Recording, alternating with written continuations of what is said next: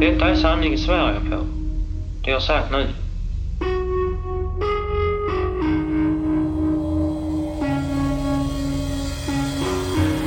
Jag går, viker aldrig en tum från utan att Kate var hos oss den permissionen. Menar till det här är helt som polisen har hittat på? Ja. Det är konstigt för du var den första som nämnde Kates namn av er. Ja, jag fick den spekulationen till Jansson. Spår återvänder till förhören för att hitta nyckeln till fallet raggarmordet. Jag har fått de väsentligaste uppgifterna. Sen måste man ju själv tänka sig in i hur det kan ha gått till. Man är inte tappad bakom en vagn som man kan räkna ut om man får dra av bil. Hur det ska se ut. För en sak har förändrats efter att de här förhören först gjordes. Kunskapen idag om eh, riskerna för falska erkännanden och så är mycket större än vad den var 1979 på 80-talet. Spår har tagit del av en stor amerikansk undersökning. There have been these high profile examples of group false confessions in the United States. Med hjälp av DNA vet man idag att över 250 fall av falska erkännanden skett i USA. Many of the cases I studied were cases where entire groups of people were freed by DNA tests because they all, they all confessed falsely. Vad är sanning och vad är lögn? Hur har förhören egentligen gått till? Spår ger er vår förklaring. Där även den göteborgare ni tidigare hört nu ställer upp och berättar om sina minnesbilder av vad som hände kring den rosa Cadillacen och Bo Göranssons kropp 1979. Har man varit med om en sån här allvarlig händelse så borde man väl fan komma ihåg det. Det här är Spår, Raggarmordet. avsnitt 5, sista delen.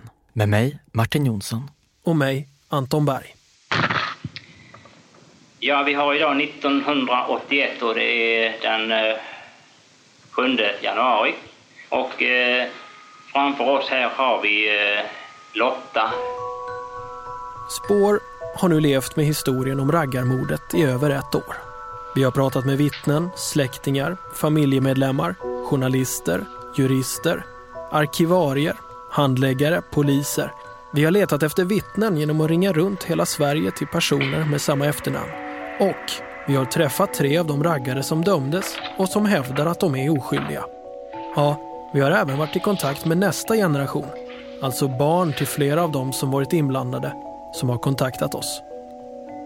Det här är en historia med sår som ärvts vidare. Det finns fortfarande så mycket rykten och halvsanningar kvar där ute och det är så för att det här fallet aldrig blev uppklarat ordentligt.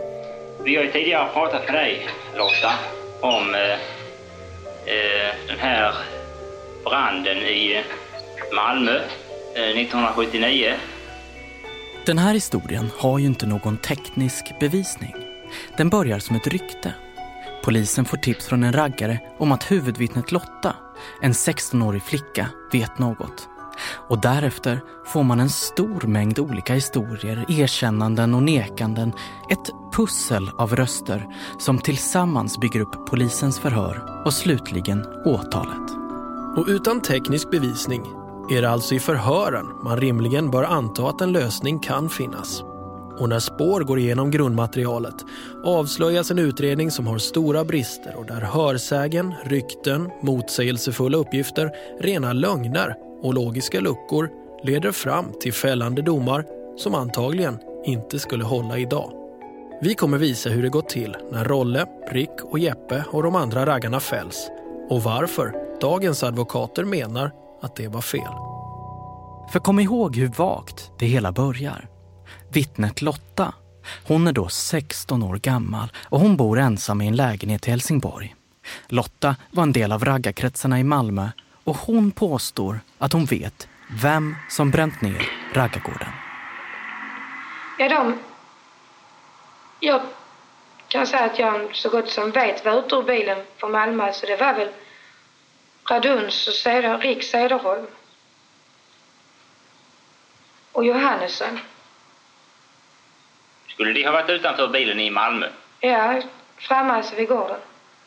Hur kan du nu helt eh, sitta och säga det här? Vad har du för belägg för ditt yttrande?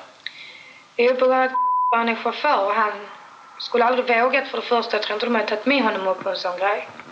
Och Forsberg, han är alltid så enormt full när han är ute. Va? Så jag skulle aldrig tänka mig att de hade tagit med honom upp alltså. För han är så enormt fumlig och grejer. Och full brukar han alltid vara så han inte kommer ihåg bäret. Och Jeppson alltså, han är en skit. Han är alltså, han, är rädd för allting. Allt och alla. Så han tror jag inte skulle vågat bara. Så de alltså jag skulle kunna tänka mig vara uppe vid gården, det hade varit Rick, Cederholm och Raduns och Johannesson. Och det är de har någonting med i det gänget alltså. Kate då? Kate har jag inte sett alltså. Jag kan inte svara på det. Här hör vi hur Lotta alltså resonerar sig fram till vem som är med. Och här hade ju fallet kunnat läggas ner. Det här är inte vittnesuppgifter, det här är ett vittne som spekulerar.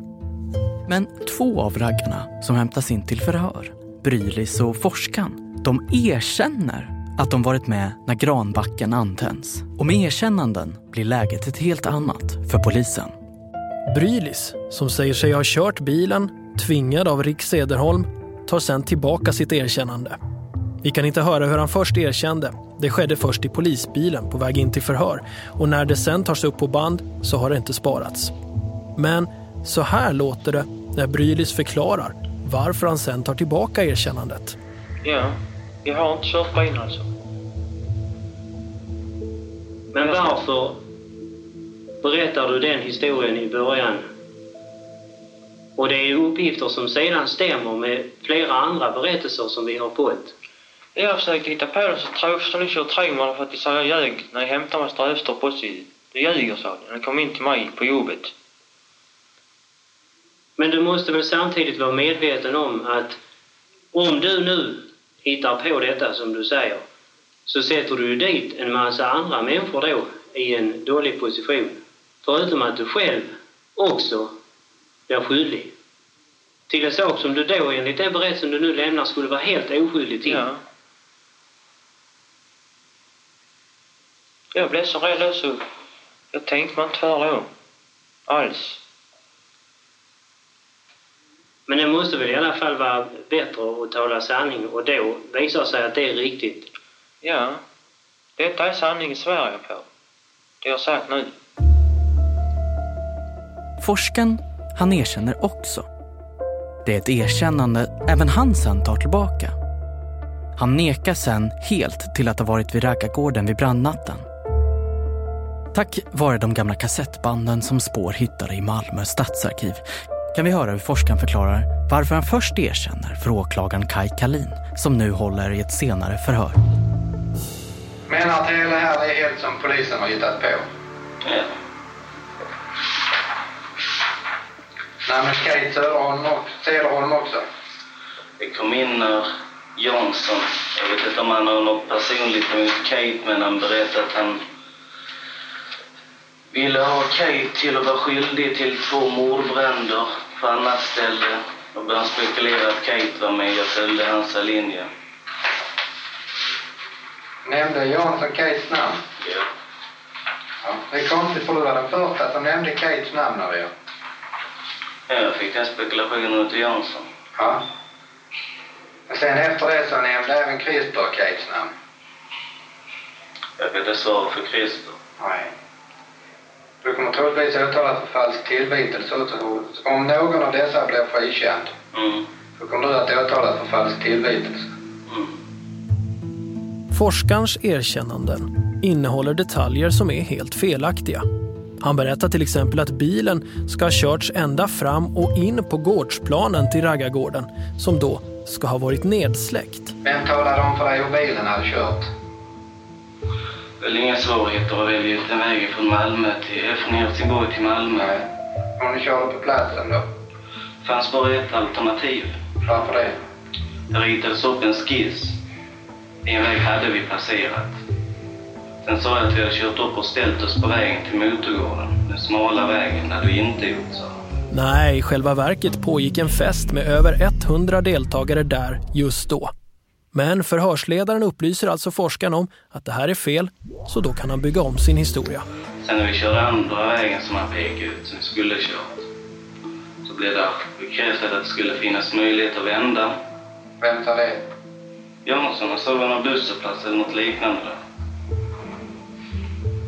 Sen drog jag den slutsatsen att den snabbaste vägen mellan två punkter är en rät linje. Och då såg jag hade ställt bilen. Vem talade om att bilen kördes upp och vändes då? Det kan man väl själv förstå om han sitter vid ratten och han lär oss ett eldsflammor på höger sida. Den förlängda Furyn som hela den här historien cirkulerar kring ägs av två personer. Den ena är Leif Jeppsson som ni hörde i avsnitt två och som senare också döms. Men forskaren, han pekar ut den andra ägaren.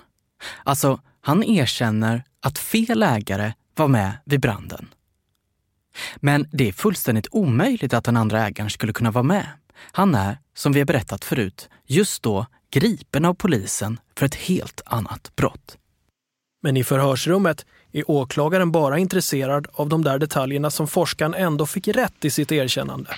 Till exempel detaljerna kring molotov cocktails. Vem började tala om molotov cocktails? Det kom in i samband med att han misstänkte Kate för mordbrand. Vem nämnde ordet molotov cocktails? Jansson, han sa att de hade haft det. Kate. Var det Jansson som nämnde ordet molotov cocktails? Va? Japp. Är du säker på det? Han kanske inte nämnde ordet, men han sa att det hade förekommit flaskor med bensin i. Jansson nämnde flaskor med bensin i. Mm. Och det måste bli molotov Ja, det känner du till? Ja, de har ju sett överallt på tv och hört. Polisen lägger också stor vikt vid att forskaren i sitt erkännande sagt sig vara rädd för bröderna Rick och Kate Sederholm och för att avslöja historien. Är det så att han nu tar tillbaka för att han har blivit hotad av bröderna Sederholm? Nej, men du har sagt så här. Själv har Forsberg känt viss avsky för vad som skulle kunna hända honom där att han blev tvungen att säga sanningen till polisen. Jag var tvungen att komplettera så att min, min äh, vet du, det, rapporten skulle verka trogivande. Var du rädd för att säga sanningen till polisen? Nej. Varför berättar du överhuvudtaget det här? Varför sa du inte att jag inte varit med som dina kompisar gjorde? Jag försökte förklara det från början. Men så jag har sådana stora alkoholproblem nu i två års tid så jag klarar mig inte en dag utan sprit. Jag klarar inte av att sitta där och bli trakasserad. Dina kompisar klarar av det? Jag vet inte om de har några problem. Trots de här felen menar polisen, när forskaren sen tar tillbaka sitt erkännande, att det är ju väldigt märkligt att forskaren har kunnat erkänna falskt när han kunde så många detaljer. De detaljer han mindes fel tar man alltså ingen hänsyn till. Vi kan höra hur forskaren då förklarar hur han kunde ge ett erkännande som verkade trovärdigt. Jag har fått de väsentligaste uppgifterna. Sen måste man ju själv tänka sig in i hur det kan ha gått till. Om man inte tappar bakom en vagn som man kan räkna ut om man får A och B hur C ska se ut. Och inget av detta stå i protokollet är sant då? Om kan vara till Malmö? Nej, jag har inte varit i Malmö. Det här sättet att kunna sluta sig till en historia hittar vi också i de övriga erkännandena som kommer dyka upp långt senare i den här historien. Det är förhör som sker efter att raggarna dömdes för mordbranden men innan de dömdes för händelserna kring Bo Göranssons död. Man får reda på detaljer från förhörsledare eller vid häktningsförhandlingar eller från de andra raggarna. Flera gånger får man andras erkännanden uppspelade för sig eller utskrivna att läsa på inför nästa förhör. Detaljerna vandrar, förhören kontamineras. Efter att raggarna väl döms för mordbranden träder alltså en annan viktig faktor in. Nu inser alla att man kommer bli fällda igen. Detta är en mycket stor anledning till att Rick och göteborgaren Charlie då erkänner att man varit med i hamnen i Helsingborg. Man får helt enkelt rådet av advokaterna. Erkänn så blir det inte mord. Då blir det istället vållande till annans död och då slipper ni livstidsfängelse. Charlies advokat säger idag att han inte minns att han gett det rådet. Ja, nej, jag kan inte tillfälligt säga mycket mer om det. Men så här säger Rick Sederholms advokat i en intervju med Jan Guillou 1983.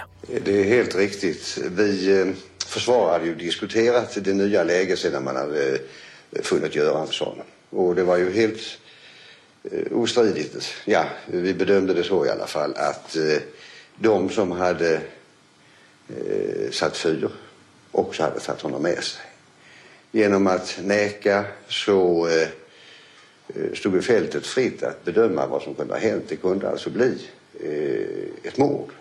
Det här rör sig alltså om taktiska erkännanden och det är lätt att förstå. Men de erkännanden som forskarna och Brylis gör, när fortfarande ingen är dömd och ingen teknisk bevisning finns, de är svårare att begripa. Som skäl har vi hört att forskaren hade ett alkoholmissbruk. Han kände stark abstinens. Och det stämmer också med uppgifter i förundersökningen om att han brukade dricka 20 flaskor öl om dagen. Brylis säger att han erkände för att han blev rädd och för att poliserna inte gav sig förrän han sa som de ville. Om det stämmer, då skulle ju falska erkännanden inte alls vara så ovanliga. Och grejen är att de inte är det. Hello? Hello, is this Professor Garrett? Yes. Vi har ringt Brandon Garrett. Han är professor i juridik vid University of Virginia. You know, in in many countries, the main cause of wrongful convictions are false confessions. People tend to be surprised that anyone would falsely confess. Since after all, it's not good for you to falsely confess. It's not good to confess. I sin egen forskning som senare publicerats i Stanford Law Review har professor Garrett jämfört 250 fall där människor erkänt brott, där sen DNA-bevisning friat dem. I en tredjedel av de fall han granskade var de som erkände omyndiga. Den andra tredjedelen var människor med förståndshandikapp. Både omyndiga och människor med ett förståndshandikapp pekar forskningen på att de kan erkänna saker de inte begått. För de har mycket svårare att förstå konsekvenserna av sitt erkännande. Well, because they just don't understand the consequences of the false confession. The line between truth and fiction for someone who's disabled or ill may be a little fuzzy. Men den sista tredjedelen, de var vuxna individer som erkänt brott de inte begått. Och hos den sista tredjedelen, hos de vuxna, där kunde professor Garrett finna en stor gemensam nämnare. Långa förhörstider. Almost without exception, interrogations are extremely long. It does take a long time to get an innocent person to falsely confess. You could figure that after many hours of questioning, you figure maybe eventually someone might say, fine, you know, whatever it is, I did it. Just let me out of the room. And often the police sort of convey the message that you will not leave this room unless you tell us what we need to hear. Some of these people eventually said, I did it, fine. But if they're innocent, then they don't, they don't really know what they did. In almost all of these cases, the police reported to the court and to the jury and to the prosecutors that this person had confessed in detail. They didn't just say, I did it, because maybe you could pressure someone to say the words, I did it. Police are trained to get a, a, a description of what, of what you did. They want to hear the details of the crime, and those details should match how the crime actually happened. Och den andra gemensamma nämnaren är att de som berättar kan återge skenbart specifika detaljer som bara mördaren kan ha känt till. So what the detectives could say was, this person told us inside information. So we never told the media that the victim was stabbed 40 times or that her couch was beige or what the layout was of the back room in her apartment. This person told us all those things. Och det här är alltså detaljer som ingen läckt till media, utan bara en handfull personer ska vetat. Fakta som polisen menar ska ha kommit till genom öppna frågor. Men när professor Garrett tittat närmare så hittar han sprickor i polisens förhör. Bland annat är bandspelarna inte på hela tiden. Någonting har hänt mellan när bandspelarna stängdes av och sattes på igen. None of these interrogations were recorded in their entirety. Sometimes they would record like the statement that the person gave after six hours of questioning. But we had there was no record usually of the actual six hours of questioning. Men frågan blir då, varför skulle en polis vilja med flit fabricera ett erkännande? Det finns många faktorer som spelar in, menar professor Garrett. Ett av huvudskälen är att polisen, de känner en så stor press att få människor att erkänna att polisen av misstag börjar förstöra eller kontaminera förhöret med fakta. Their questioning went on for so long and they were giving so many different stories to the person. Could it have happened like this? Could you have been in the apartment and maybe just watching? Or could it have been in self-defense and she came at you with a knife and then you grabbed the knife? And then over time they disclosed the fact that it was an apartment, that it was a female victim, that there was a knife. And it, they didn't even realize that they were disclosing these facts. And, and, and so why do these people do this? The people that confess to the crimes that they haven't committed? The last Well, third. I've, ta- I've, I've talked to many of them. They often thought that, um, I mean, they thought it was a ridiculous charade that they were being asked to repeat facts and tell the police what they wanted to hear. Some of these people really didn't give a full confession statement. The police typed something up and they just signed it. Some of these people really did eventually utter the words that the police wanted them to utter, but they thought there was no way for them to leave the room to see their families again unless they played along. Uh, you know, after many, many hours of interrogation, they thought that that was the only way they could leave the room. And their innocence became a risk factor. Some of these people thought that, look, I'm innocent. I can clear it up later. I'll get a lawyer. I'll talk to the police again. These detectives who are questioning me are crazy. They're trying to get me to agree to a false story. But, but they, they trusted the system. They thought that, you know, if they just signed the confession statement, went home to their families, got a lawyer, that they would clear everything up.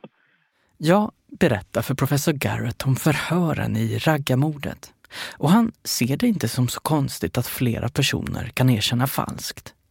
Det enda polisen behöver göra är att använda samma metod på varje enskild individ. there have been these high profile examples of group false confessions in the United States. And people can understand how you know, multiple people could give the police details about the crime. What are the chances? Maybe one person might falsely confess, but how could multiple people falsely confess?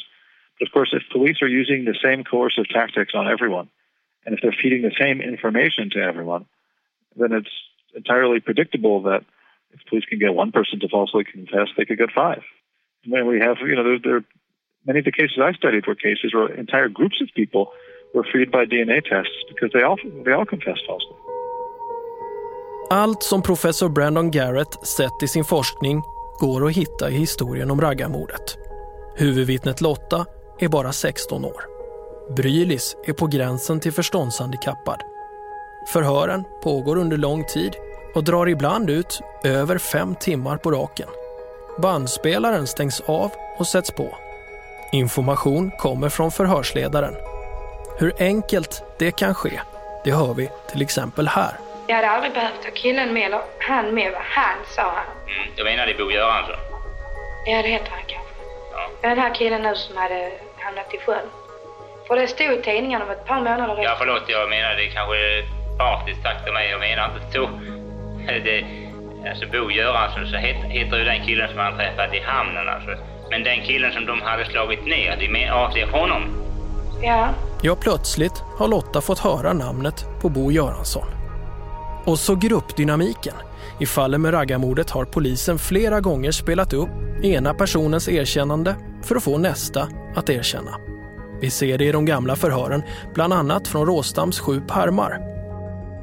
Efter att de sju raggarna döms för mordbrand så börjar man ju om och talar alla för mord på Bo Göransson. Då börjar Brylis återigen att erkänna. Nu vet vi vad det är som utlöser det här. I ett förhör med Brylis så tar polisen med sig bandet där forskaren erkänt. Det sker alltså tio månader tidigare. Och man väljer medvetet bort och spela upp den delen av förhören där forskaren sen tar tillbaka sitt erkännande. Nu hamnar Brylis i ett mycket svårt läge.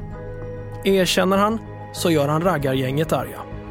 Erkänner han inte gör han polisen arg och nu också forskaren. I förhören hörs Brylis flera gånger upprepa sig ungefär så här. Jag vet inte vad jag ska säga. Precis som du upplevt det. Det har jag sagt. Nej, det har du inte sagt. I sin forskning visar ju professor Garrett att en person med förståndshandikapp just i det här läget har extra svårt att redogöra för vad han ska svara. Well, because they just don't understand the consequences of the false confession. Like the line between truth and fiction for someone who's disabled or ill may be a little fuzzy. Forskaren har ju sagt likadant. Men jag har tänkt över det. Jag kan inte bara säga en grej som inte stämmer. Nej. Den dömde seriemördaren Thomas Quick beviljas resning. I Sverige har ett fall påverkat polisens arbete mer än alla andra när det kommer till just falska erkännanden. Ja, du tänkte på eh, Thomas Quick-utredningen eller? Det här är Göran Olsson, polisinspektör. Göran Olsson, utredare av Kalla fall. Göran Olsson menar att efter Thomas Quick först dömts, men sen friats för totalt åtta mord. Mord där han först erkänt men sen tagit tillbaka sina erkännanden. Hela den här processen har skakat om rättssverige och synen på falska erkännanden.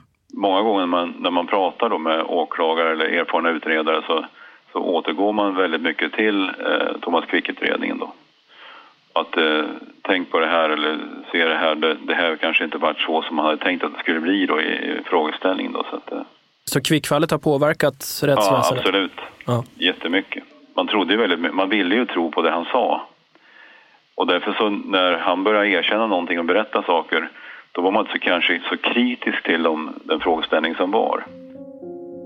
Frågan är ju om polisen varit kritisk nog mot vittnet Lotta. Hon är 16 år, alltså väldigt ung när den här historien tar fart. I en intervju som journalisten Janne Mattsson gjort med åklagaren Kay Kalin efter att Kate Cederholm friats och som vi fått låna av SVT framgår tydligt hur Kalin såg på Lotta. Janne Mattsson frågar varför inte Lotta åtalas för medhjälp när hon påstår att hon varit med i Cadillacen i hamnen. Var det kanske för att hon hjälpte åklagaren att få fram sanningen?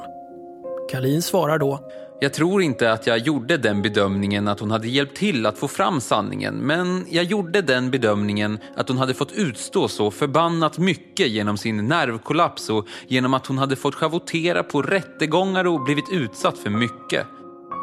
Så att det man skulle åtala henne för skulle ändå, om man skulle åtala henne för något, skyddande av brottsling eventuellt, skulle leda till sån påföljd att det inte stod i någon rimlig proportion till det lidande hon redan fått utstå. Den här inställningen från åklagaren förklarar varför man trots allt fortsätter förhöra Lotta, fortsätter att tro henne, även efter det att man har förstått att hon ljuger om en sån stor sak som att hon var med vid branden i Malmö. För ett tag så påstår hon ju det. Vi nämnde det redan i avsnitt ett. Jag var, liksom, jag var med den kvällen i bilen när de tände på varmbacken där nere. Det var jag. Men efter det att man här konstaterar att Lotta inte talar sanning Varför berättar du att du själv var med Lotta? vill man alltså ändå fortsätta lyssna på henne. Har du sett killen i bilen? Lotta? Lotta, har du sett den här killen i bilen? Ja, jag har sett honom Var ser du det? i Helsingborg. Var då i Helsingborg? Utanför mig. Ja. Det tror vi är sanningen, Lotta. Vi har idag pratat med en av poliserna som var med då, Anders Nord, numera pensionerad polis. Men då jobbade Anders Nord med spaning och var den som hämtade Lotta till förhör för allra första gången. Men du som har träffat henne, hur, hur, hur, hur skulle du bedöma hennes trovärdighet? Ja, jag hade bara kontakt med henne då när vi hittade henne i eh, Helsingborg, i hennes lägenhet. Och sen överlämnade vi henne till eh, utredarna. Och då gav hon faktiskt ett trovärdigt intryck. Ja, bedöm själva. Är detta en historia som ett trovärdigt vittne berättar? Eh, Rolle och Rick satt längst fram. Vem satt eh, närmast dörren? Rick. Rick. Han satt alltså längst till höger fram. Jag vet att Rolle satt i mitten. Rolle i mitten. Han höll på att klodda med bandspelaren precis hela tiden. nu. Vad höll han på? Han höll på att mixa så med bandspelaren hela tiden. nu. Han satt så Ja. hela tiden. Ja. En detalj som kan verka trovärdig. Hur Rolle sitter och leker med bandspelaren. Och här, Stannade ni någonstans på vägen? Nej, men vi stannade när vi kom till Malmö i kiosk. Jag skulle köpa mer blandning. För därför Jaha. kom jag ihåg att spriten inte var slut. Ja. också en trovärdig detalj som kommer spontant. Gänget har slut på blanddricka och måste stanna för att köpa mer läsk till spriten. Vet du vilken kiosk det var de stannade? Inte en aning. Jag kände inte till Malmö då. Problemet är bara att det här är detaljer som Lotta påstår ska ha skett när hon åker med gänget för att bränna ner raggargården. En resa hon sen alltså säger att hon aldrig var med på. Det vi nyss hörde är alltså rena lögner, det säger Lotta själv. Det måste alltså ha varit väldigt svårt att veta när man kunde lita på Lotta och hennes detaljer. Bandet eh, är påkopplat. Samma svårigheter med att skilja det som är sant från det som är påhittat fanns i förhören, också med Rick Cederholm. Eh, Cederholm, du eh, har ju blivit hörd i Borås tidigare. När vi fick läsa Hannes Råstams sju pärmar fann vi utskriften av det här förhöret vi nu lyssnar till. Det är på nästan 500 sidor och när vi läser det hittar vi över 60 tillfällen när man kan se eller höra att det som Rick erkänner bör ifrågasättas. Det här förhöret sker alltså efter att raggarna dömts för mordbranden men före åtalet om Göranssons död. För skälet till att Rick erkänner är dels för att få fri brodern Kate men också att få slippa livstidsfängelse för mord. Erkänner Rick kan han få åtalet att gälla vållande till annans död och inte mord. Och då riskerar man inte livstidsfängelse. Det här borde också förhörsledaren känna till och därför vara på sin vakt mot. Det finns en stark drivkraft för Rick att erkänna falskt. När ni kommer till trakten av motorgården i Malmö, vilka som då är i bilen? Det är de som är i bilen, det är de som är, är nämnda innan, utom Kate Cederholm. Alla utom Kate, brorsan. Efteråt säger Rick så här om erkännandet när Jan Guillou intervjuar honom 1983. Det här erkännandet, Rick, det är alltså ren teater då? Ja, det är det ju för att eh, innan har jag hela tiden hävdat att jag var oskyldig. Men nu helt plötsligt gäller det att försöka se så skyldig ut som möjligt för att få så lindrigt straff som möjligt. Jag springer kvickt som fan fram till huset då. Alltså precis intill huset där. Vilket av byggnaderna? Är tre byggnader. Ja, den eh, som brann. Ja, du menar den som är boningshus? Mm. Teatern, var det så du genomförde den?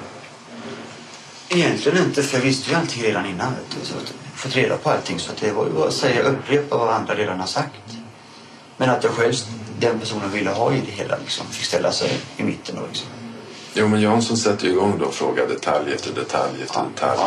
Hur stod folk runt bilen? Ja, det var ju bara i princip så här, Pelle stod där och Niklas där eller vad som helst alltså, förstår du? Jo, men eh, meningen med dem är att du ska stämma med andra berättelser. Ja, men det är de inte gör. Det gör de ju inte heller. Och vem är det som åker på framsätet? Eh, Jag och Jeppe. Du och Jeppsson? Ja. Var sitter du i bilen? ja. Nu sitter jag helt plötsligt i fönstret. Ja, visst, men var sitter du eh, på framsätet? Du sitter inte i fönstret? Du sitter... Alltså på högra sidan.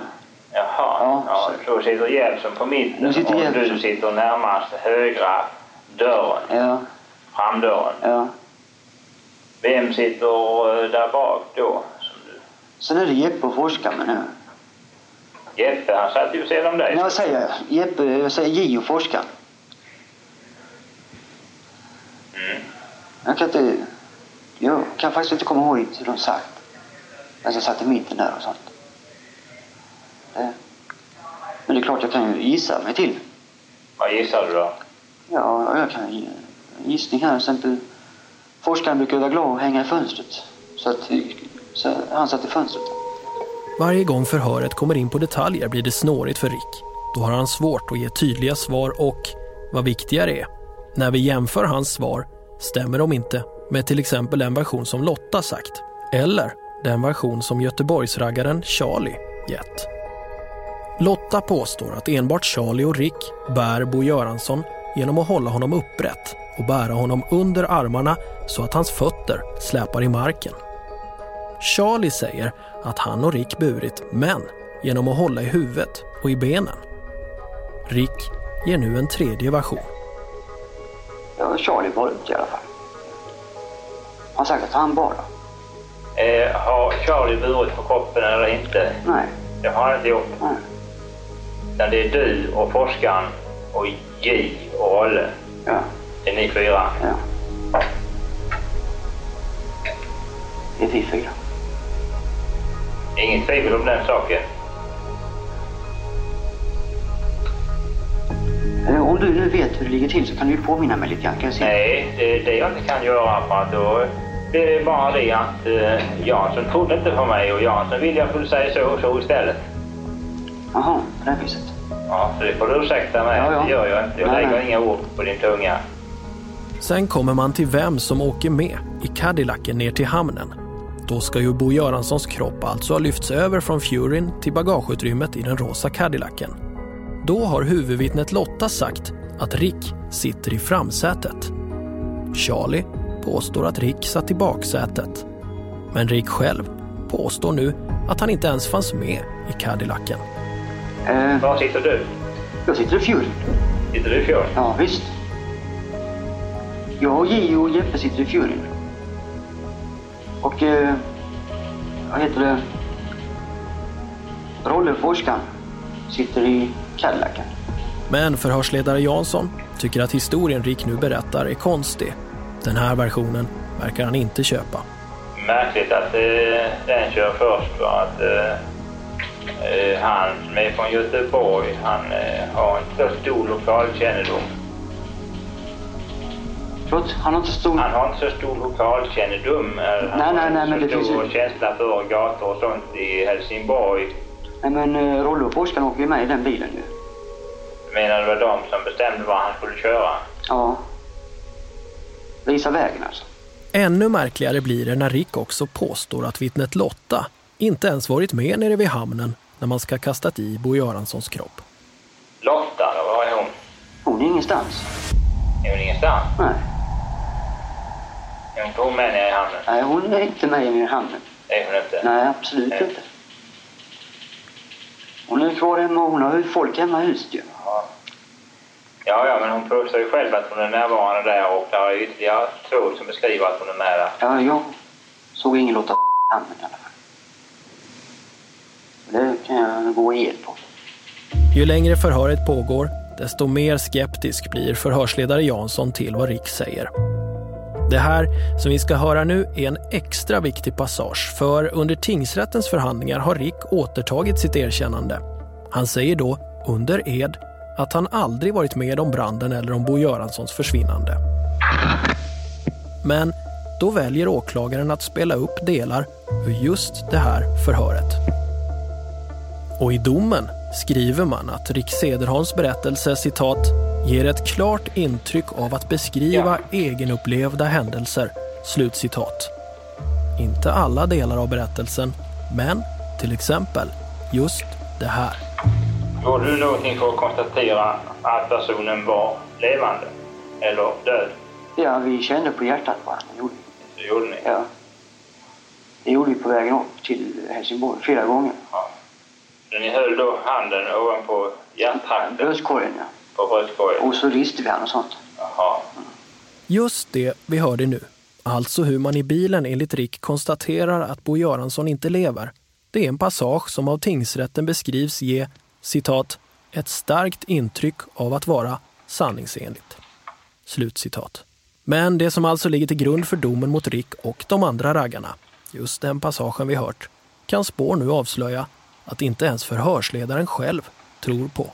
Ursäkta mig, Rick, men jag tvivlar på dina uppgifter när du säger det. Att man försöker konstatera om han är vid liv eller inte. Vi försökte få liv Genom att hålla en hand på hans bröst. Ja, vi han och sånt flera gånger och sånt. Det gjorde vi. Och håll på. Rista honom, ja. Det skulle innebära att man kan skaka liv i honom, menar du, när han är skadad. Det kunde ju tvärtom vara en fara för hans liv i allra högsta grad att skaka honom.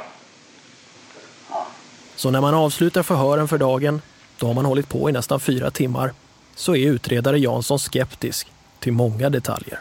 Jag har inte mycket mer att tillägga att, eh, i det här sammanhanget, Rick, för att eh, du vill tydligtvis inte hålla dig till fakta som de andra har vidrört här i sammanhanget. Men Jo, jag, jag vill Vi, gärna eh, hålla mig till fakta. Det är bara det att jag kommer inte ihåg.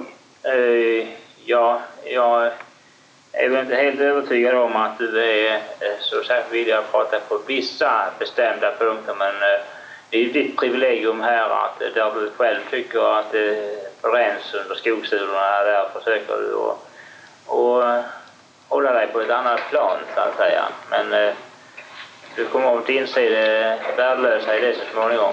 Ja, ja. Ändå leder alltså detta förhör till att man bygger ihop domarna kring det som Malmö tingsrätt kallar för en av de allvarligaste händelserna i svensk kriminalhistoria. För som ni har hört har man också fått Charlie att erkänna. Han är en av de fyra Göteborgsraggare som sover över hos vittnet Lotta natten mellan lördagen och söndagen och som äger den rosa Cadillacen. Charlie har hela tiden nekat, men två saker får honom plötsligt att svänga 180 grader. För det första så spelar man upp Ricks tveksamma erkännande. Alltså det som vi nyss hörde hur till och med förhörsledaren var skeptisk till. Delar av det här erkännandet får alltså Charlie lyssna till när han förhörs. För det andra så vill förhörsledaren att efter förhöret att Charlie, som fortfarande är tveksam, bör prata med sin advokat. När man sen fortsätter kommer Charlie med en helt ny version. Då erkänner också han. I den intervju som journalisten Janne Mattsson gör med åklagare Kalin och som vi fått låna från SVT menar Kalin att det här erkännandet är ett av de mest gripande han någonsin har hört. Men till spår säger Charlie idag att alltihop var rent ljug. Precis som Rick Cederholm menar han att han fick rådet från sin advokat att erkänna eftersom de ändå skulle bli fällda. Och då gällde det att verka trovärdig. Charlie vill inte att vi spelar in, men när Spår pratar med honom vid flertalet tillfällen är han väldigt tydlig. Han har aldrig varit med om att slänga någon kropp i hamnen.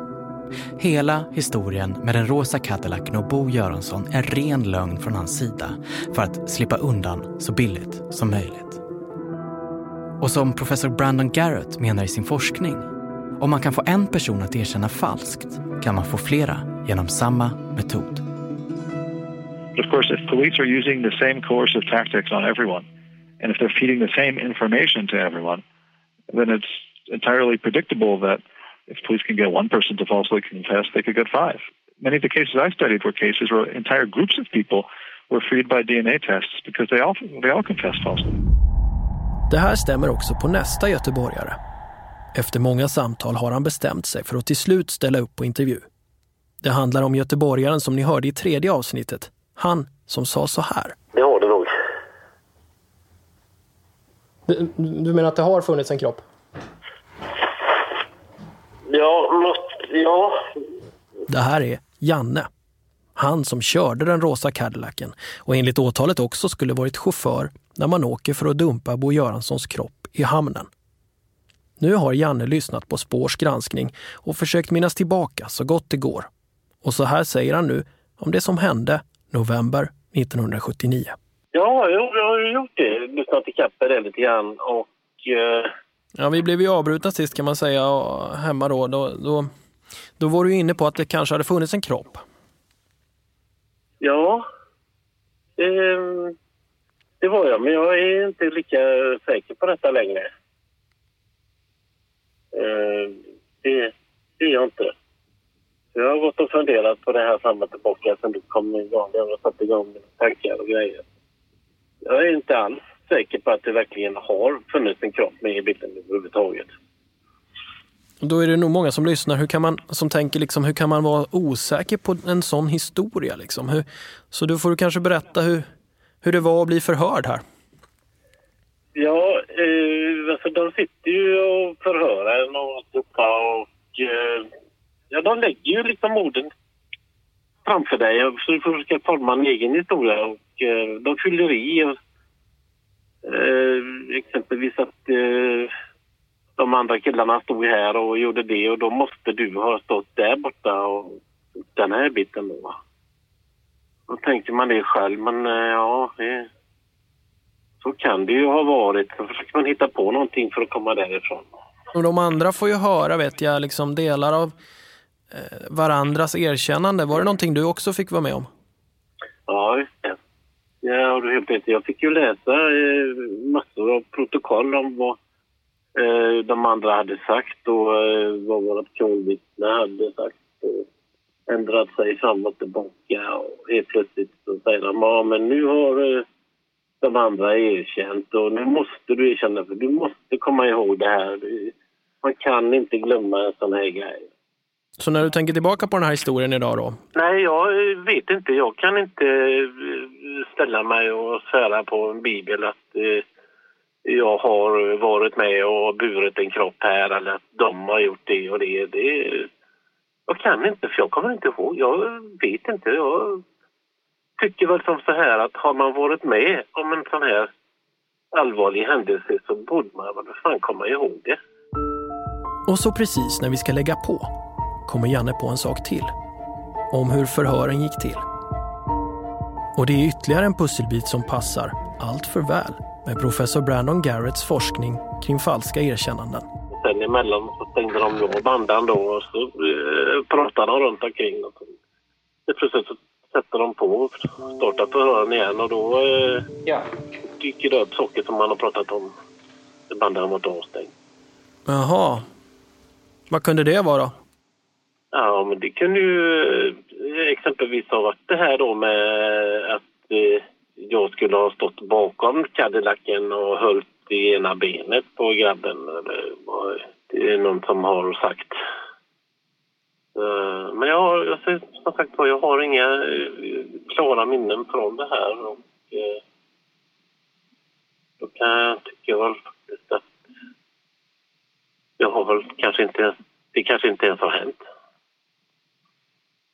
Det låter eh, luddigt och suddigt och vimsigt och flummigt på alla sätt men eh, det, det är så min, mina tankar går.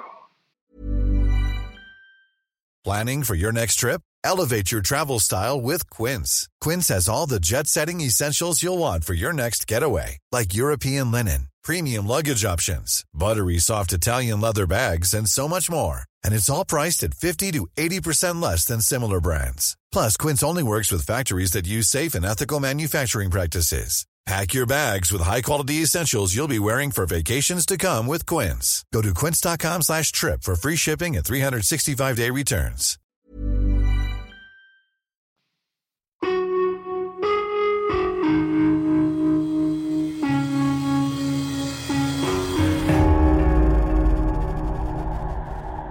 Vi valde att börja den här historien med att intervjua Jan Guillou om skopet som gjorde att han fick Stora Journalistpriset men som samtidigt gjorde honom ovän med många kollegor. I skånsk press hade man redan innan rättegången om mordbrand kunnat läsa att gänget dessutom var misstänkta för mord på Bo Göransson. Åklagarens version var den förhärskande. Tills Jan Guillou och Rekordmagasinet gjorde entré två år senare. Ja, alltså vi hade ju idiotförklarat hela den skånska pressen. Eh, rättvist tycker jag själv i efterhand, men det, av någon anledning så tyckte inte de det. Kollegorna på eh, Sydsvenskan och Kvällsposten och vad det kan ha varit. Eh, vi bemöttes ytterst fientligt i eh, den skånska pressen. Vilket är lätt att förstå eftersom de ju hade bundit sig så oerhört hårt vid att eh, eh hylla åklagarens version och till och med eh, som i något fall skrev i dramatiserad form. Hur det hela, med repliker och allt sånt där, hur, hur det hela skulle ha gått till. För att förstå hur den här polariseringen dels skapats och sen fortsatt leva i media och som därmed kastat en skugga av tvivel på hela fallet så har Spår därför också granskat hur rapporteringen kring fallet gått till. Vi har nu läst om sju pärmar som Hannes Råstam fick av Janne Mattsson. Vi har också läst om intervjuer som Janne Mattsson gjorde med vittnet Lotta och åklagare Kalin. Och vi har också läst över 150 tidningsartiklar som skrivits om fallet, främst under 80-talets första hälft. Nu kan vi se att den polariserade bilden kring händelseförloppet har sitt ursprung i hur man förhöll sig till själva grundmaterialet, det vill säga domar och förhörsprotokoll. För Janne Mattsson, som alltså drev tesen att Jan Guillou hade fel, valde nämligen att prata med inte bara åklagaren i fallet, utan också den journalist som kanske allra mest målade ut raggargänget som skyldiga i sina artiklar, Arlette Klarström. Det bekräftas av Janne Mattssons änka, Malena Rydberg. Mina föräldrar bodde utanför här och där bodde också den journalist som följde rättegången mot det här ra- raggargänget i Malmö. Och henne tog Janne kontakt med och fick höra hennes version av massa saker. Jag har aldrig träffat henne. Kan det vara Arlette Klarström? Det stämmer nog, ja. I en text som publiceras i maj 1981 och som Jan Guillou menar när han säger att man har skrivit i dramatiserad form Då skriver Alette Klarström bland annat att vittnet Lotta besöks av två hårdingar ur gänget som dyker upp i nedskitade jeans och kräver att tvättmaskinen genast sparkas igång. Vad har ni varit? Vad har ni gjort? frågar flickan. Ute och grillat korv. Det här sättet att skriva är hämtat från en av Lottas olika versioner av händelseförloppet.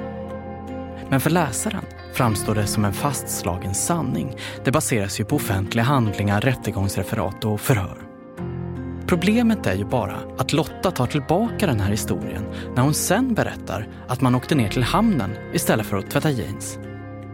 Men alla tveksamheter och motsägelser har inte fått plats i rapporteringen av raggarmordet. Och Arlette Klarström och många andra skribenter de köpte helt enkelt åklagarens version av händelseförloppet. Det menar Jan Guillou.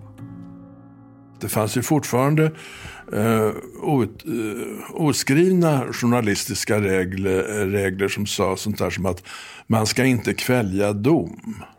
Alltså det, det, är en uppfattning som kommer egentligen från det kalla kriget. Att det myndigheten har beslutat måste medierna ställa upp på för att det är en sorts nationell endräkt. Och när då Janne Mattsson intervjuar Arlette Klarström förstår vi också hur han möjligen färgas av hennes inställning. Sen hamnar alltså materialet hos Janne Josefsson och till slut hos Hannes Råstam. Fortfarande idag hör vi kollegor som berättar om alla tvivel som finns kring fallet. Och tvivel finns. De är ibland också rimliga. Det har vi varit inne på förut. Kalkonmiddagen är ju märklig. Huvudpersonen som man ska fira, Kate Cederholm, bjuds att äta kalkon som han själv inte tycker om. Vidare så är själva vittneshistoriken ifrågasatt. Att samtliga inblandade minns väldigt lite, men sen lång tid senare minns alla mycket mer detaljerat vad som hände den natten. Kort sagt, de kunde pratat ihop sig. Men i den resningsdom där Kate Cederholm frias resonerar också rätten kring historierna kring middagen och tv-kvällen framför McKeyens. Men man menar att alla vittnen där är att lita på. Man ger heller inte resonemanget kring alibit så mycket tyngd.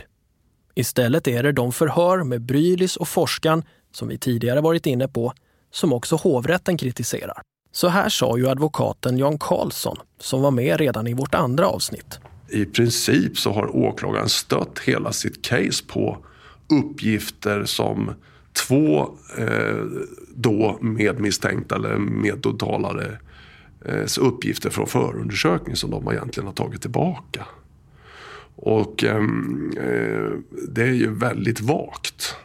Så historien om bilfärden, kalkonmiddagen och McKeyans, den var viktig. För att göra bra tv och för att få till en resning i fallet, alltså skapa opinion. Men mindre viktig i själva rättssalen. Eller med andra ord, kalkonmiddagen kan inte förklara mordbranden eller Bo Göranssons försvinnande.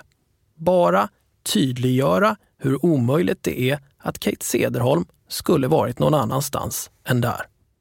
Och när vi idag pratar med Siv Jönsson, som ska ha bjudit på kalkonmiddagen, är hon lika säker nu som hon var 1980.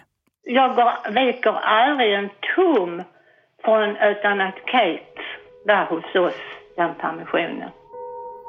Okej, okay. Dags att sammanfatta hela raggarmordet. Det här är vad Spår har kommit fram till. Bo Göransson försvinner på fredagen den 23 november 1979. Klockan ett på eftermiddagen säger han hej då till sina föräldrar och det är sista gången de ser honom i livet. Samma kväll ska Roadrunners ha invigningsfest för sin nyrenoverade lokal ute vid Granbackens motorgård. Ett vittne, en busschaufför som enligt uppgifter var nykterist och därmed tillförlitlig, har sett Bo Göransson på raggargården på fredagskvällen. Där har Bo Göransson hamnat i bråk med tre oidentifierade Malmöraggare. Raggargården brinner ett dygn senare, natten mot söndag. Mellan 100 och 150 personer var där. Elva brandbilar var på plats för att släcka elden. Enligt de brandprotokoll som upprättas efteråt konstateras att branden antingen orsakats av vårdslöshet med eld eller att den blivit anlagd. Bo Göransson hittas i Helsingborgs hamn den 4 februari 1980, drygt tio veckor senare. Det är fakta. Resten av målet är enbart byggt på vittnesuppgifter. Vi är mycket ödmjuka inför att vi gör vår granskning över 35 år efter att de här händelserna ägt rum. Och det finns såklart en rad problem med att komma in så sent i en granskning. Vi har ju till exempel inte kunnat prata med alla som var med. Det hade varit ovärderligt att få prata med människor som var på plats när det hände. Det här beskriver polisinspektör Göran Olsson bra. Han jobbar med Kalla fall och han hamnar själv i det här problemet ibland. Ibland så har man ju som utredare eh, egna kom ihåg eh, som man inte kan teckna ner. Man får inte ner allting på papper.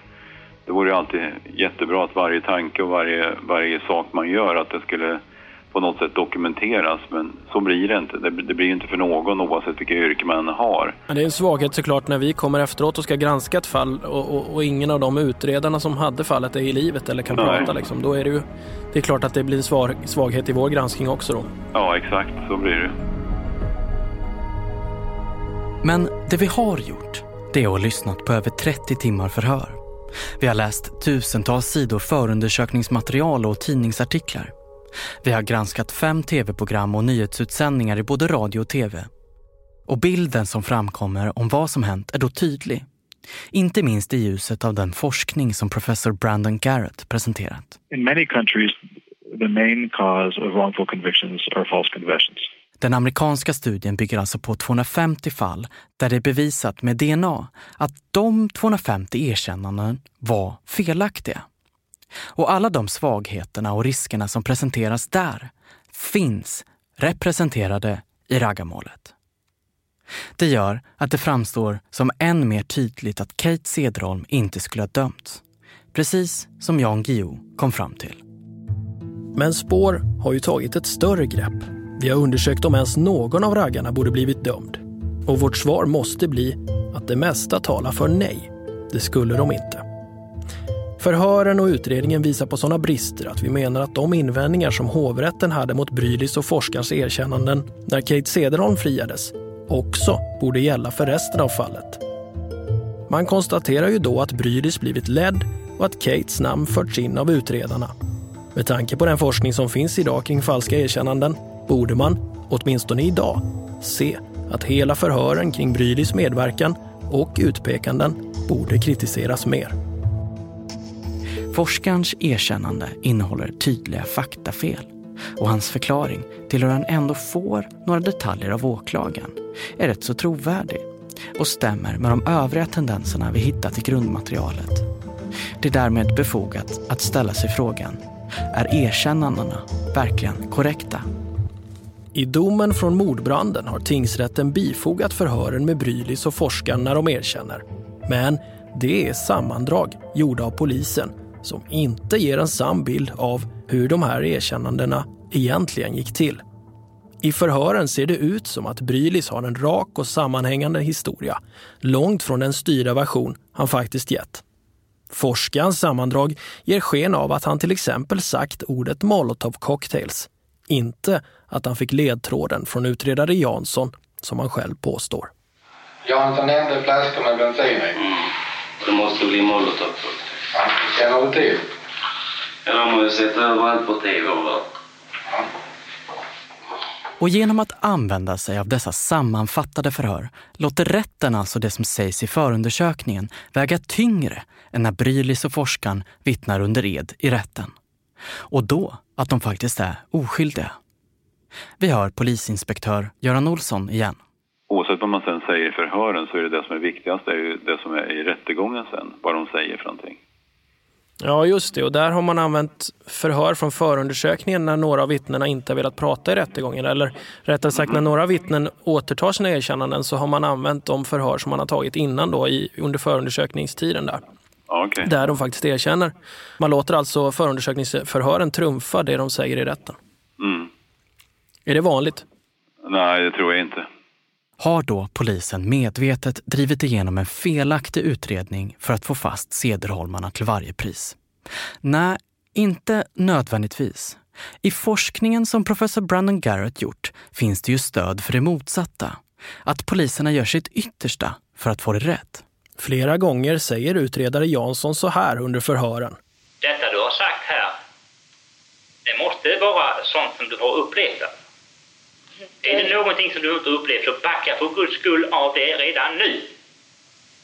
Det är vad jag upplevt och det som jag har sagt. Det är helt korrekt detta. Ja. Efteråt är många poliser och åklagare Kalin förargade över Jan Guillous granskning där han påstår att Janssons agg mot Sederholmarna gjorde att han drev utredningen ensidigt och okritiskt. Det kan säkert funnits fog för Guillous åsikt men i det material spår sett har vi inte sett det så tydligt. Men pressen på polisen är här mycket, mycket stor. Tingsrätten skriver ju i sin dom att det rör sig om citat en av de allvarligaste händelserna i vår kriminalhistoria. Slutcitat. Och även om Jansson alltså i förhören ställer kritiska frågor till Lotta hindrar det till exempel inte att utredarna med åklagare Kalin i spetsen förhör Lotta när hon är intagen på psykiatrisk klinik. Lotta, har du sett den här killen i bilen? Ja, jag har sett honom Var ser du det? i Helsingborg. Ja, det är i Helsingborg. Utanför mig. Ja. Det tror vi är sanningen, Och om pressen är så stor på polisen är pressen ännu värre för den 16-åriga flickan som är själva nyckelvittnet. Man får inte glömma att det är hon som först berättar för polisen om att raggarna eventuellt kan vara inblandade. Lotta har, sedan hon började berätta för polisen, fått lämna Helsingborg. Hon har flyttat till Malmö och i stor del fått klara sig själv trots att hon är så ung. Om det är det eller något annat skäl som gör att hon börjar berätta den här historien, det vet vi inte. Men i det hon berättar hittar vi så mycket motstridigheter och felaktigheter, och ibland rena lögner, att hennes trovärdighet måste ifrågasättas. Så det spår har kunnat se under vår granskning är helt enkelt, ja, raggarna kan ha gjort sig skyldiga till mordbranden och bortförandet av Bo Göransson. Men det är inte troligt. Tvärtom pekar det mesta faktiskt på att ingen av de båda händelserna har ägt rum på det sättet åklagaren menar.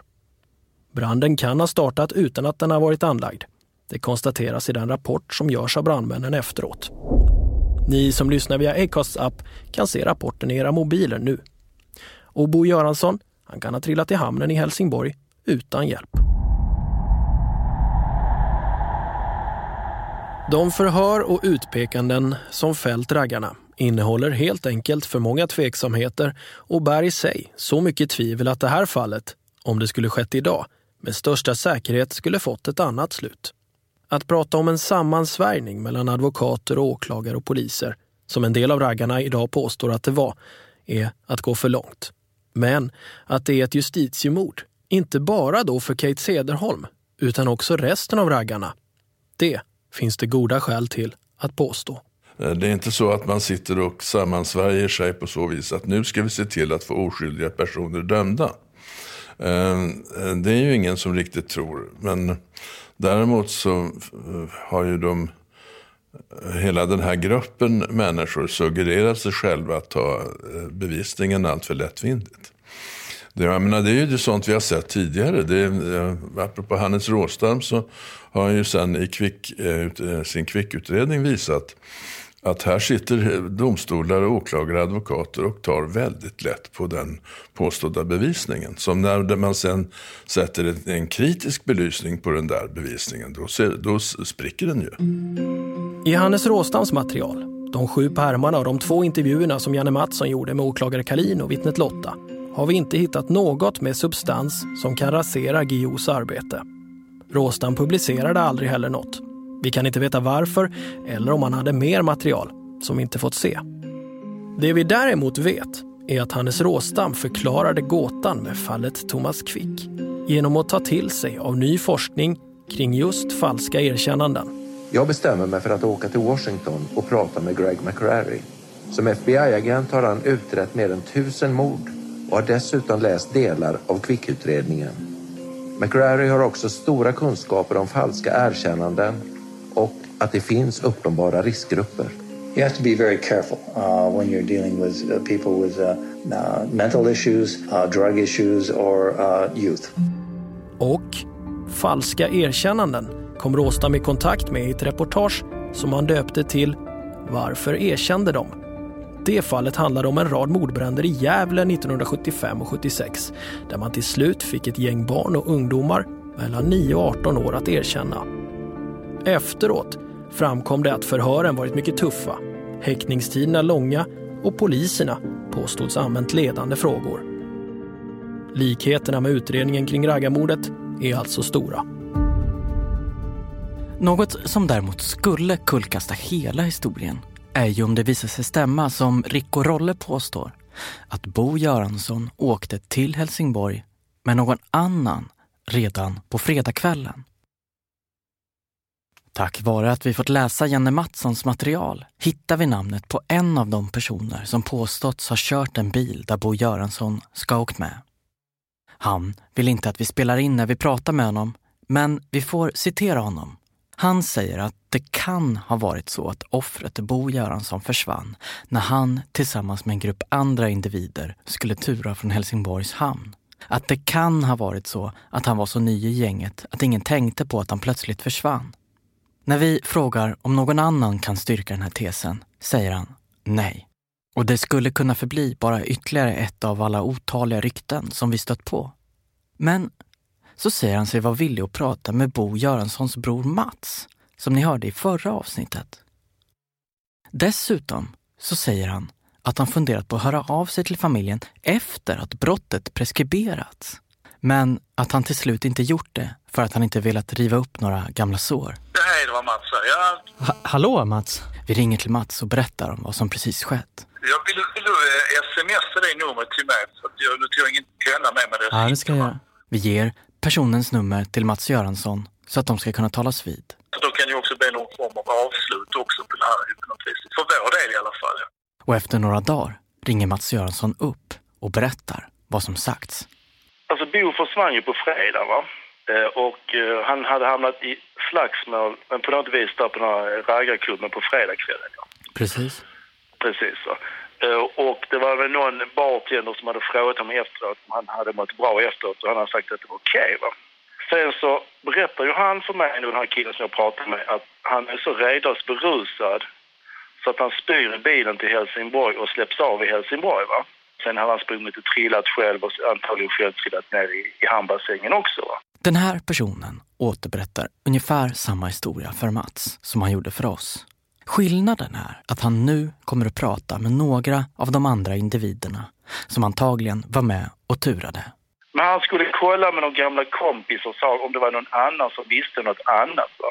För jag blev lite så lurig när han ville ringa och prata med mig. Det känns precis som att om man om han ville liksom, eh, eh jag vet inte, rentvå sig på något vis eller eh, försöka prata av sig lite. Va? Det, det verkar ju ändå som att det finns liksom någon form av munkavel ändå på något vis. Va? För han ville ju inte berätta så mycket ändå. Va? Grejen hade ju varit att om någon hade berättat någonting för oss, att det hade varit, gått till på det viset kanske, om det är nu sant, så kunde ju vi liksom, vad ska jag säga, lagt det åt sidan. Då har det ju varit en tragisk olycka istället. Va? Vi har ju hela tiden levt i någon form, form av eh, förvissning liksom att det var de här från Klippan som har gjort det. Va? Det har ju blivit itutat i, i hela mitt liv på något vis. Va? Men är det inte så så tycker jag ju det är ju, det är ju skandal om de har suttit i fängelse för någonting de inte har gjort. Va?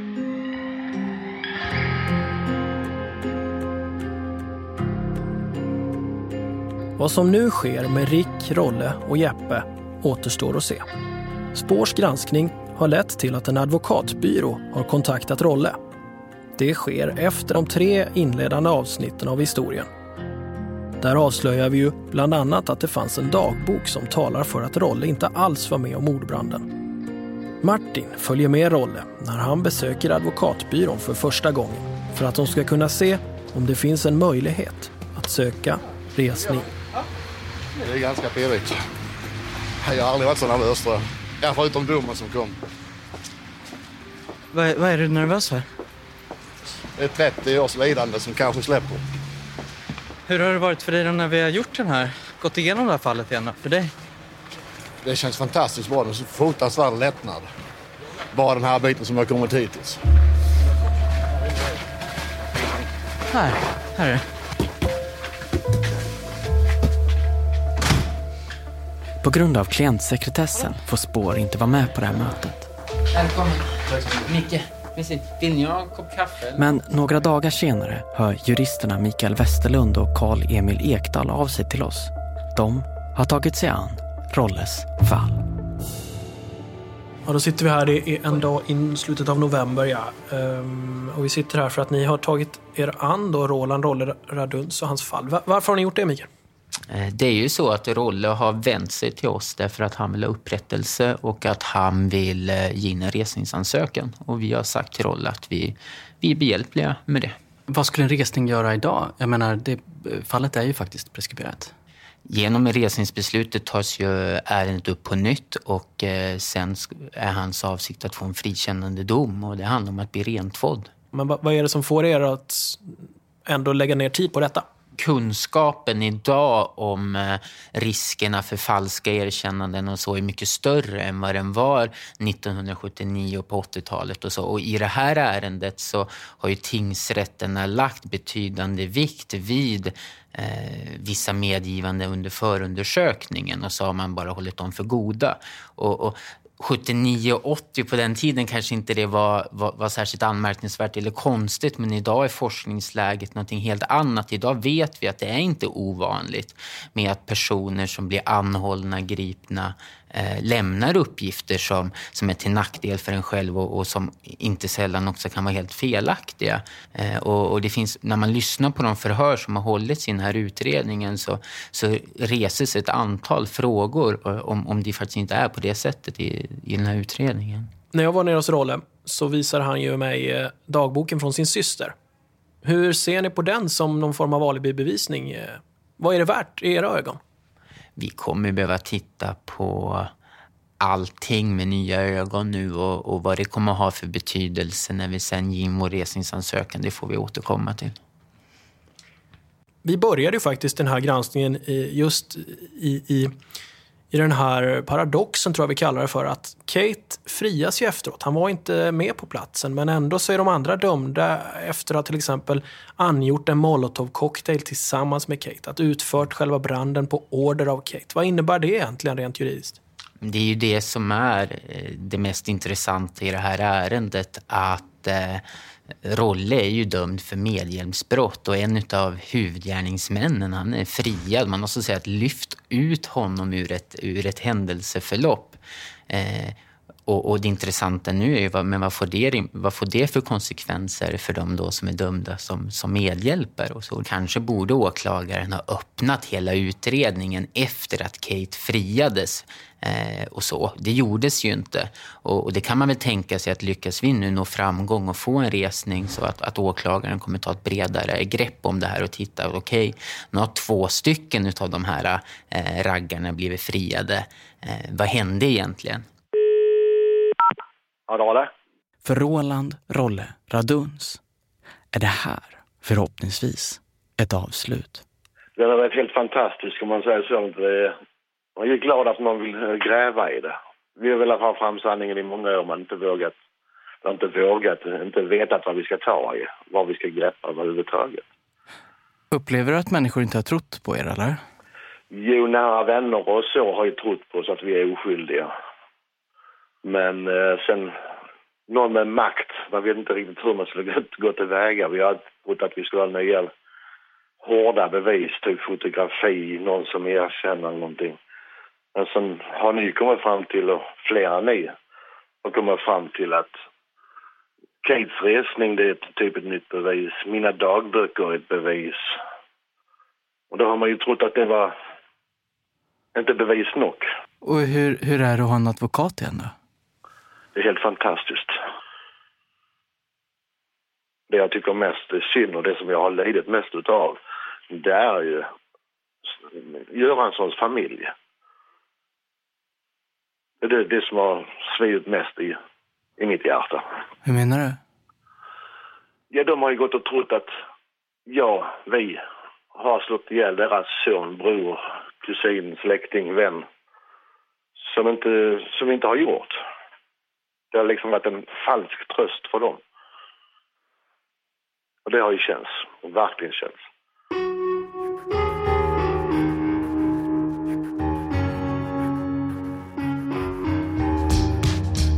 Spår görs av produktionsbolagen A1 Produktion och Ljudbang tillsammans med Acast. Ljudtekniker är Jonas Sjöberg och researcher Lisa Domelin. Produktionsassistent Anton Emanuelsson Vretander. Projektledare Vian Jalal Exekutiv producent på Acast är Carl Rosander.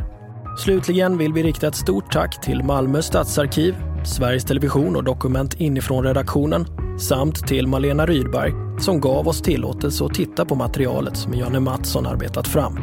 Utan vänliga personer som er hade vi inte kunnat göra den här granskningen. Ett stort tack till alla lyssnare som hört av sig också. Utan er lyssnare, inget spår.